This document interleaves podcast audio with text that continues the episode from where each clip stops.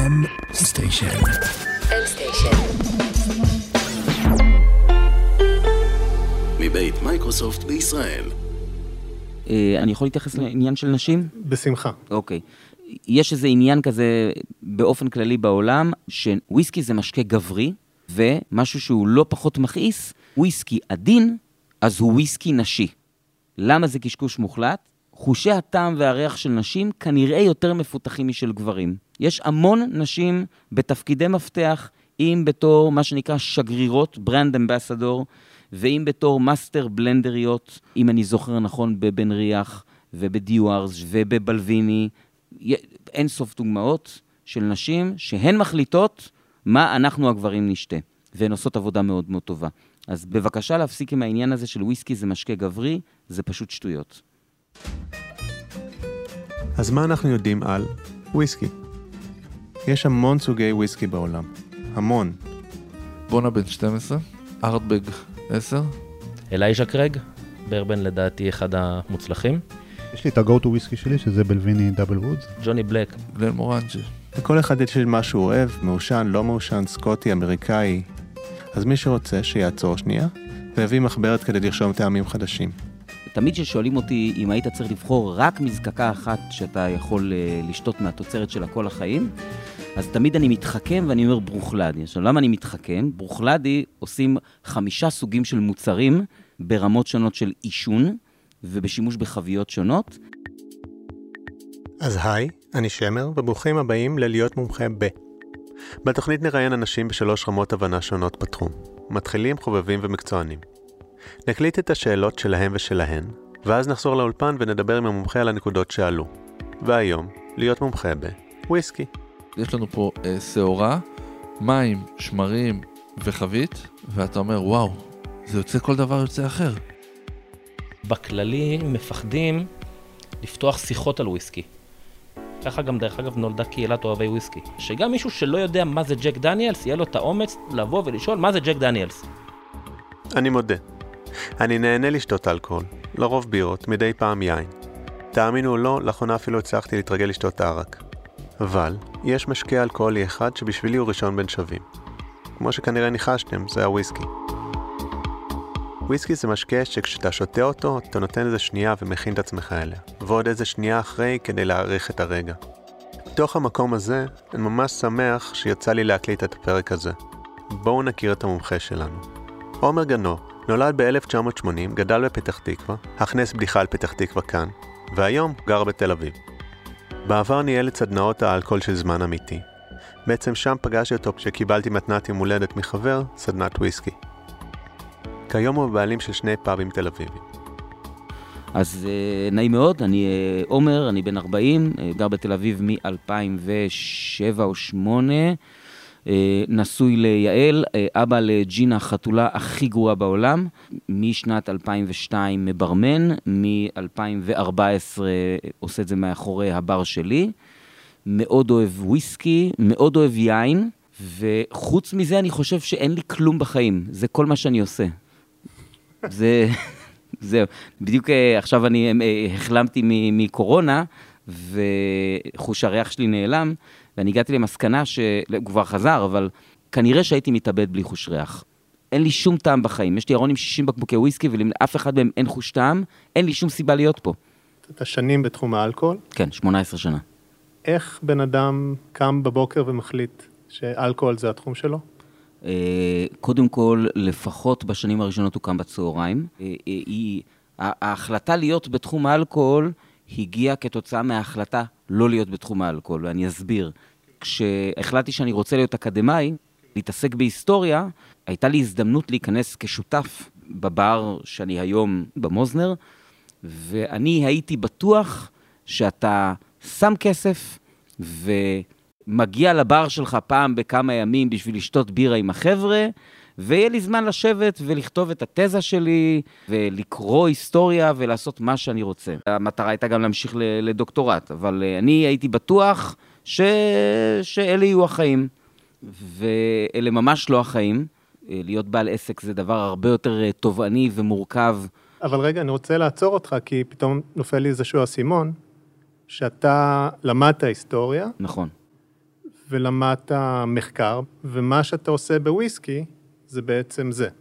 כשאני, נגיד, אה, אה, למשל מתכונן לסדנת וויסקי, אז זה אותו דבר. אני מיישם מה שעשיתי כשכתבתי עבודות על, אה, לא יודע מה, יוון הקלאסית או מסעי הצלב, אז אני עושה אותו דבר כשאני, לא יודע מה, חוקר את מזקקת ברוכלדי. מחפש חומרים, מצליב ביניהם, בודק מה נכון ומה אה, חומר שיווקי ומה כתב בלוגר שבאמת לא הבין מה שהוא ראה, הוא באמת חושב שזה א', אבל זה לא.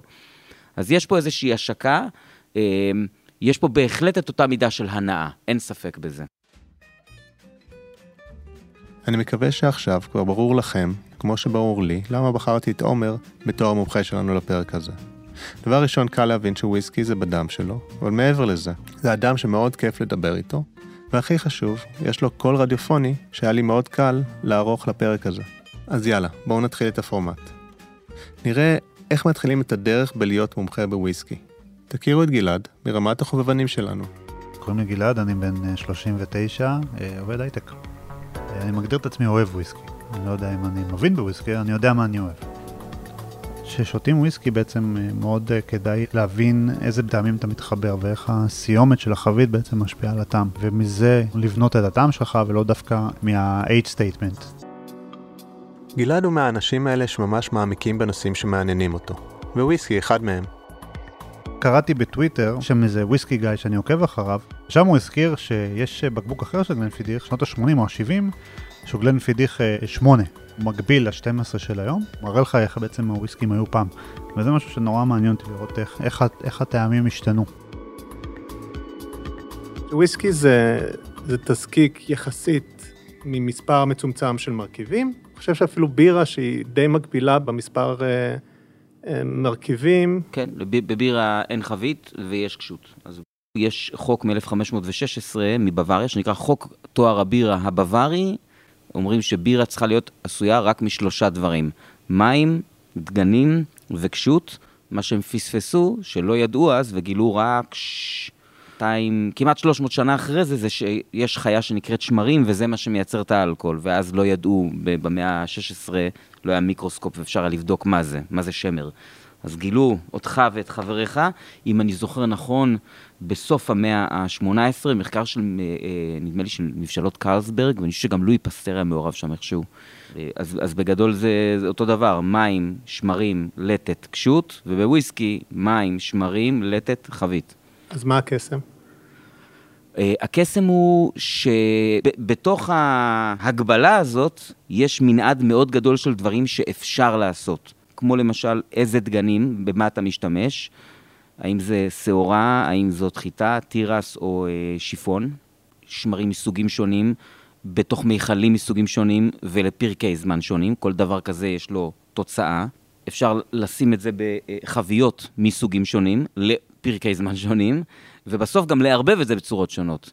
ובעצם יש פה פאזל שאומנם כביכול יש לו רק ארבעה חלקים, אבל האמת היא שיש לו הרבה הרבה הרבה יותר חלקים.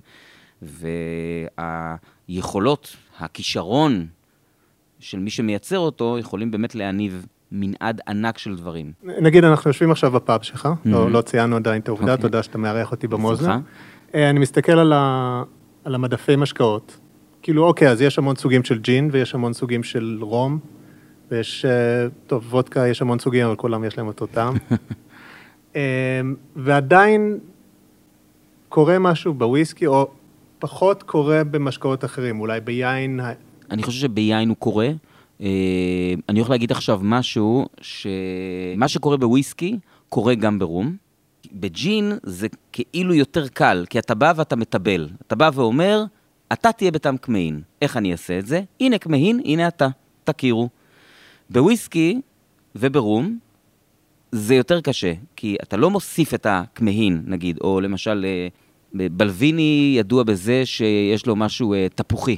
אתה לא מוסיף תפוחים. הכימיה דואגת לזה שיש שם איזושהי מולקולה שאצלנו באף עוברת כתפוח. וזה קצת יותר קשה לעשות. כשעומר מדבר על קשה לעשות, הוא מתכוון לעוד משהו. לא רק שקשה להוציא את הטעם התפוחי של הבלוויני פעם אחת, אלא פעם אחרי פעם אחרי פעם. נניח אני אמזוג לך אה, פורט שרלוט עשר שנים, ואתה תשתה אותו ותאהב אותו פה, ואז אתה תלך למקום אחר ותקנה בקבוק, נגיד, לא יודע מה, תטייל בספרד, ויש לזה את אותו טעם. אתה אומר, אני רוצה פורט שרלוט 10 כי אני יודע מה הטעם, אבל איך זה יכול להיות? הרי המוצר הזה הוא מוצר אורגני, יש שם דגנים שכל שנה הם אחרים, יש שם מים, והמים משתנים בעיקר בעידן של התחממות גלובלית, ועדיין, פורט שרלוט 10 הוא פורט שרלוט 10. הקסם הזה קורה כי מי שמייצר את הפאזל שאתה אוהב לראות, אתה, אתה אוהב לראות תמונה. התמונה הזאת היא בעצם פאזל, החלקים שלו משתנים כל פעם. התמונה נשארת אותה תמונה, זאת הגאונות. ולכן, בגלל שזה ככה, בעצם וויסקי שהוא לא סינגל קאסק, שהוא לא בהגדרה חבית אחת, מעורבב מכל מיני חביות שיוצרות את הטעם שאתה אוהב כל פעם. הנקודה האחרונה של עומר חשובה, כי עדיין יש אנשים שמתבלבלים בין סינגל קאסק, שהוא וויסקי שהגיע מחבית אחת, לסינגל מלט, שהוא וויסקי העשוי מלטת שעורה בלבד, ומיוצר במזקקה יחידה בזיקוק דודי בלבד. אז אחרי שדיברנו קצת על הכנת וויסקי, זה הזמן לעלות רמה. ברמת המתקדמים, נפגוש את ג'וני. היי, מה העניינים? יונתן הררי, בן 39. יונתן חי את עולם האלכוהול כבר שנים. הרבה שנים uh, מאחורי הבר הייתי מנהל שלוש קהילות בפייסבוק, שזה קהילת גינס מטעם המותג. אוהבי אלכוהול, שהיא הקהילה הכי גדולה בפייסבוק היום בתחום האלכוהול. ממנה גם נולדה קהילת אוהבי וויסקי. מתעסק במדרכות אלכוהול, יין, קוקטיילים, בירות, בניות תפריט, הכל. וויסקי זה משהו שעם הגיל הוא כל הזמן משתנה, עד שאתה מבין את הטעם שאתה מעדיף. אני מאוד אוהב וויסקי, אני פחות מגדיר את עצמי כאיזה מומחה וויסקי, אני עם השנים הבנתי את הטעמים שאני אוהב ואני פשוט מתמקד בהם. נשמע לכם מוכר? גם גלעד אמר בערך את אותו דבר. אבל מההיכרות שלי איתם יש להם המון ידע. הם מבינים, הם יכולים להסביר על זה. אז עולה השאלה, למה אנשים חוששים להגדיר את עצמם כמבינים או לא מבינים בוויסקי? אני לא חושב שהם מפחדים להגדיר את עצמם כמבינים, אני חושב שהם בכללי מפחדים לפתוח שיחות על וויסקי. ככה גם נולדה קהילת אוהבי וויסקי. כשחיפשתי איזה בקבוק מסוים, אני כבר לא זוכר מה הוא היה, אני העליתי אותו בתור שאלה באיזה קבוצה של וויסקי אחרת, ופשוט פתחו עליי שרשור של בדיחות, ואני סך הכל חיכיתי שיבוא אחד ויגיד אם המהדורה המוגבלת עדיין מיוצרת או לא. ואז אחרי זה אמרתי, למה שאני לא אפתח קהילה? שגם מישהו שלא יודע מה זה ג'ק דניאלס, יהיה לו את העומד לבוא ולשאול מה זה ג'ק דניאלס. ולא צריך לפחד שעכשיו יצחקו עליו. לא סתם אמרתי שזה מאוד מפתיע אותי שאנשים מפחדים להגיד, נראה שגם איתך בהתחלה, כשביקשתי ממך לבוא לפה, אמרת, אני מבין בוויסקי, אני לא רוצה להיקרא מומחה. נכון, אני אה, בהחלט לא מומחה. אה, אז, אז אה, יש פה שתי נקודות שג'וני העלה. דרך אגב, אני מכיר גם את ג'וני וגם את גלעד, גילוי נאות, כן? לג'וני אפשר להזכיר שעדיין מחכה לו אצלי בבית סמפל של וויסקי שהוא צריך לבוא לקחת מתישהו. אני רוצה להתייחס לשתי נקודות שהוא העלה. נקודה ראשונה זה העניין הזה באמת של המומחה. אני פה בגלל שאני אוהב וויסקי, מבחינתי זה ככה, אוקיי? יכול להיות שהתשובות שאני אענה פה, מישהו יבוא ויגיד, רגע, רגע, מה פתאום זה בכלל לא נכון, ויכול להיות גם שהוא יהיה צודק, או היא. אני חושב שלהיות מומחה בוויסקי זה מישהו שעושה את זה המון המון המון שנים, וביקר במזקקות פיזית. מבחינתי לפחות ההגדרה השלישית של מומחה, ואני מתחבר לנושא השני, זה גם מישהו שגורם לאנשים להרגיש נוח עם זה שהם לא מומחים כמוהו. וויסקי זה קודם כל כיף. אני עבדתי במולי בלומס ברחוב הירקון, והבעל הבית שם קוראים לו רוברט, ורוברט הוא אירי, הוא גדל באירלנד, הוא אנציקלופדיה מהלכת של וויסקי אירי, ועדיין הוויסקי שהוא שותה זה בלקבוש, שזה וויסקי אירי די פשוט, והוא שותה אותו עם קוביית קרח. אז מה אני אגיד לו? שהוא לא מבין, אבל אנחנו יודעים שהוא מבין. אז כנראה שזה מה שכיף לו, וזה מה שחשוב. ואני חושב שהרבה מאוד אנשים, במיוחד בפייסבוק, אתה יכול להרשות לעצמך להתנסה על מישהו ולהגיד לו שהוא לא מבין, או שהוא לא יודע, או כל מיני כאלה דברים. אני אישית לא סובל את זה, כי אני, בסופו של דבר, האינטרס של כל שתיין וויסקי, זה שישתו פה יותר ויותר וויסקי. ואם אנחנו גורמים לאנשים להגיד, אה, אוקיי, הבנתי מה קורה שם, אני הולך לשתות וודקה. אז אין לי בעיה עם וודקה, אבל לי יש אינטרס שישתו וויסקי בארץ, ככל שישתו יותר וויסקי, יהיה לפה יותר יבוא של יותר דברים. לדעתי יש פה עוד נקודה ממש חשובה. אם יש לי תחביב מסוים, ספורט, סרטים, אלכוהול, איסוף פולים, לא משנה. לרוב יהיה מגניב אם תהיה לנו גישה לדברים היותר מיוחדים בתחום. נגיד מתקנים יותר מתקדמים, ציוד יותר מקצועי, איפה ללמוד ואיפה להתפתח וממי. לזה צריך שיהיו סביבי עוד אנשים כמוני. כלומר, אנשים שמשוגעים לאותו דבר, מה שנקרא קהילה. כדי לייצר קהילה צריך שיהיה לי ממי ללמוד, כלומר צריך מומחים.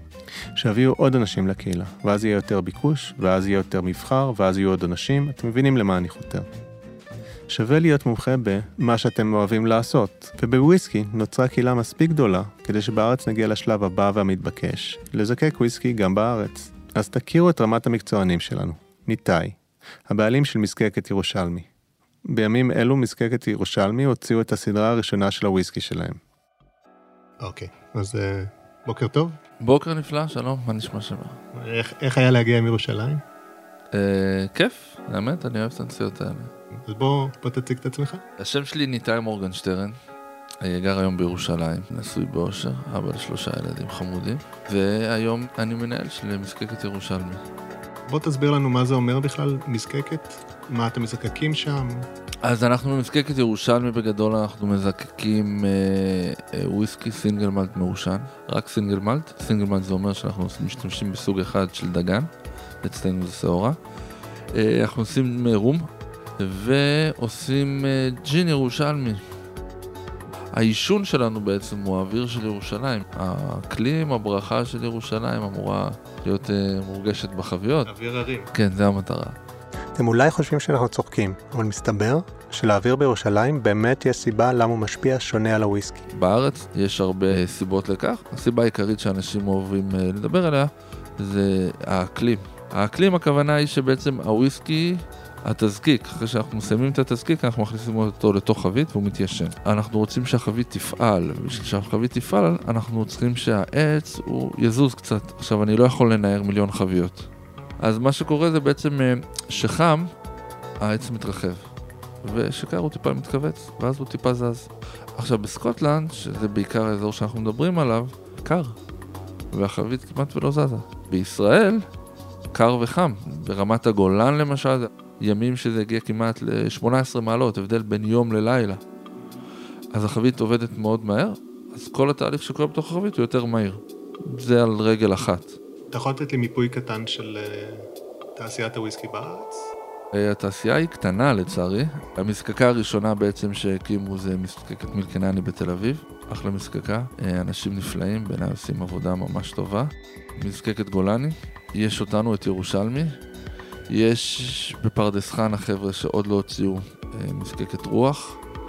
יש את פלטר, שהוא מזקק קצת. פלטר הוא... זה, זה יין. נכון, אבל הוא גם עשה וויסקי, הוא עשה כבר batch אחד. יש חבר'ה, אני יודע, מכיר עכשיו חבר'ה בירושלים, טינקרס קוראים להם, והם הולכים לעשות אה, וויסקי אמריקאי, בורבון. וויסקי בארץ צריך להתיישן בפחות זמן, כאילו, וויסקי שמתיישן שלוש שנים בארץ, הוא יכול להשתוות לוויסקי שהתיישן עשר שנים בסקוטלנד, או, אמ, או אני מבלבל הכל? לא, לא, אתה, אתה, אתה לא מבלבל הכל, אה, אתה לא מבלבל בכלל. בעצם הטענה של כל מי שעושה וויסקי בארץ היא שמכיוון שחם ולח פה, בטח יותר מסקוטלנד ואירלנד, התהליכים שקורים בחבית מואצים. זה בא על חשבון משהו? כן, זה בא על חשבון משהו. ככל שאתה מיישן יותר זמן, אתה נותן יותר מקום לחבית להתבטא, וויסקי שמיושן הרבה שנים, לפעמים הופך להיות וויסקי לא מאוזן. זאת אומרת, החבית הופכת להיות יותר מדי דומיננטית. אז בגדול, מזג האוויר הוא בהחלט נתון חשוב מאוד מבחינת איך וכמה אפשר ליישן. דרך אגב, זה נכון לגבי גם תזקיקים אחרים. אני כן חושב שפרק הזמן הארוך יותר שוויסקי מתיישן בסקוטלנד, אם בסקוטלנד גם וויסקי יחסית פשוט מתיישן נגיד 6, 7, 8 שנים, יש לפרק הזמן הזה עוד השפעה מעבר לאינטראקציה עם החבית עצמה. זאת אומרת, זה לא רק החבית שמשפיעה על התוצר. לא תראה הרבה וויסקי אמריקאי בן 15, כמו שתראה הרבה וויסקי סקוטי בן 15, למשל. בוא נדבר על העתיד של התעשייה בארץ. בעצם אנחנו בעד שתהיה תעשייה בארץ. נכון. אנחנו, אוהבים וויסקי, אני לפחות אה, חושב שמה שקרה וקרה טוב לתעשיית הביר בארץ, Mm-hmm. מתחיל לקרות את תעשיית הוויסקי בארץ. אני חושב שיש עתיד לתעשייה מקומית. אני חושב שהעתיד של התעשייה הזו תלוי במקביל בשני דברים שהם באיזשהו מקום קצת הפוכים. כרגע אין בארץ תקינה, וכל אחד יכול לעשות מה שהוא רוצה, וזו מעט בעיה. זאת אומרת, אם אתה רוצה לייצר משהו שיכבדו, אתה צריך להראות, לדעתי, אתה צריך להראות שיש לך איזושהי סטנדרטיזציה, וכשכתוב על המדבקה או על התווית X, אז אתה יודע שזה X, כמו שקורה בתעשיית האלכוהול בעולם, כמעט בכל דבר. אז זה משהו שחשוב מאוד שיקרה. ברגע שיהיה למזקקות הישראליות מספיק כוח, אני מאוד מקווה שהן תשכלנה להתאגד ולייצר לעצמן איזשהו לובי מול, אם זה מכון התקנים, אם זה משרד הבריאות, אם זה משרד התעשייה, כדי לייצר לעצמן איזשהו סטנדרט שיחייב אותן ויגרום להן להיות איכותיות, זה דבר ראשון. ומצד שני, בואו נזכור שאנחנו לא סקוטלנד. אנחנו זה מה שאנחנו, ואנחנו צריכים, לדעתי לפחות, לעשות את המיטב שאנחנו יכולים לעשות במסגרת התנאים שלנו. אני חושב שיש מקום לוויסקי ישראלי, אפשר לעשות את זה. וסליחה, עכשיו אני אמרנו קודם שאנחנו ציונים, אני אעשה עכשיו כאילו קצת לא ציוני, אני חושב שבישראל מנסים בהרבה דברים קצת לעגל פינות. אני חושב שהמכשול להצלחה של המזקקות הישראליות יהיה המזקקות הישראליות. זאת אומרת, אם אנחנו נזדרז ונעשה יותר מדי מהר, בסוף אנחנו נהפוך את עצמנו למותג לא כל כך מוצלח. ואנחנו לא רוצים את זה. אם אנחנו רוצים להצליח, אנחנו צריכים לתת לעצמנו את הזמן. ובבירה זה קרה, היו פה כל מיני מבשלות בירה בתחילת הדרך, אבל מי שהתמיד בלעשות דברים נכון ובצורה מקצועית, היום אתה רואה את זה. מלכה שאני מחזיק פה, אלכסנדר, שבט, אה, אה, ביר בזאר. בוא ככה, אני מקווה שאתה צודק, ותעשיית הוויסקי בארץ תלך בכיוון של תעשיית הבירה בארץ, לגמרי. אז דבר ראשון, אני כמעט בטוח שאחרי שאנשים ישמעו את הפרק הזה, לפחות בפעם הבאה שלהם בפאב, הם יחשבו להזמין אה, איזה וויסקי ישראלי.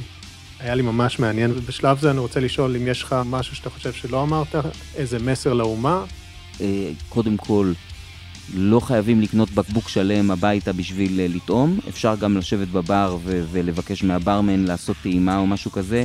יש סדנאות, יש טעימות בחנויות וכן הלאה וכן הלאה.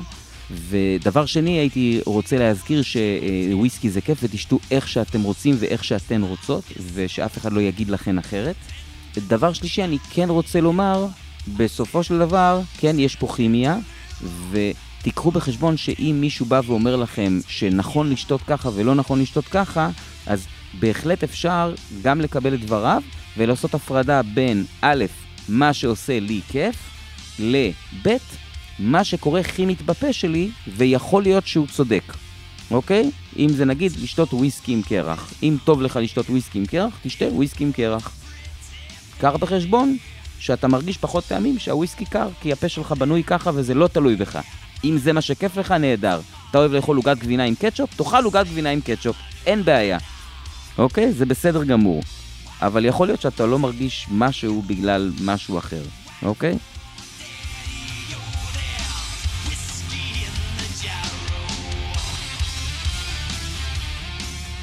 אז מה למדנו היום? אין מגדר בוויסקי. תשתה מה שאתה רוצה, תשתי מה שעושה לך טוב, הגיע הזמן שבאמת נתקדם. בכללי תעשו מה שבא לכם טוב. אם אתם אוהבים וויסקי עם קרח, מגניב. רק תזכרו, שככה אתם שותים וויסקי עם פחות טעם. אז אולי אתם פשוט מפסידים, ושווה לכם לנסות לפחות פעם אחת וויסקי בלי קרח. עוד משהו, מומחה אמיתי הוא אחד שרוצים לשמוע את הדעה שלו, לא אחד שכופה אותה על אחרים. לבסוף, באופן אישי ממש מרגש אותי לראות שקמו פה מזקקות וויסקי ישראלי. ואם לשפוט מממשלות הבירה הישראליות, אז כנראה שיהיה פה אחלה וויסקי תוצרת כחול לבן. אז עד כאן הפרק, על להיות מומחה בוויסקי. כמו תמיד אם הגעתם עד לפה אז אני אשמח לשמוע מכם. תרגישו חופשי לשלוח לי למייל שמר s, s-h-e-m-e-r-s, את microsoft.com. בהזדמנות זו אני רוצה להגיד תודה לעומר גנור, המומחה שלנו להיום, שאירח אותי בפאב המוזנר בתל אביב, לגלעד גרון, יונתן הררי, ותודה מיוחדת לניתאי מורגנסטרן ממזקקת ירושלמי. המון המון המון בהצלחה עם הוויסקי שהושק עכשיו. בנוסף, עוד תודות לניר לייסט, העורך הראשי שלנו, שעוזר לי להביא את התוכנית הזאת לאוויר. לשקמה בן עמי, המפיקה הראשית, ברוכה הבאה לתחנה. וכמובן, כמובן, למרח ושני ומייקרוסופט על הפלטפורמה. אז אני הייתי שמר, ויאללה ביי.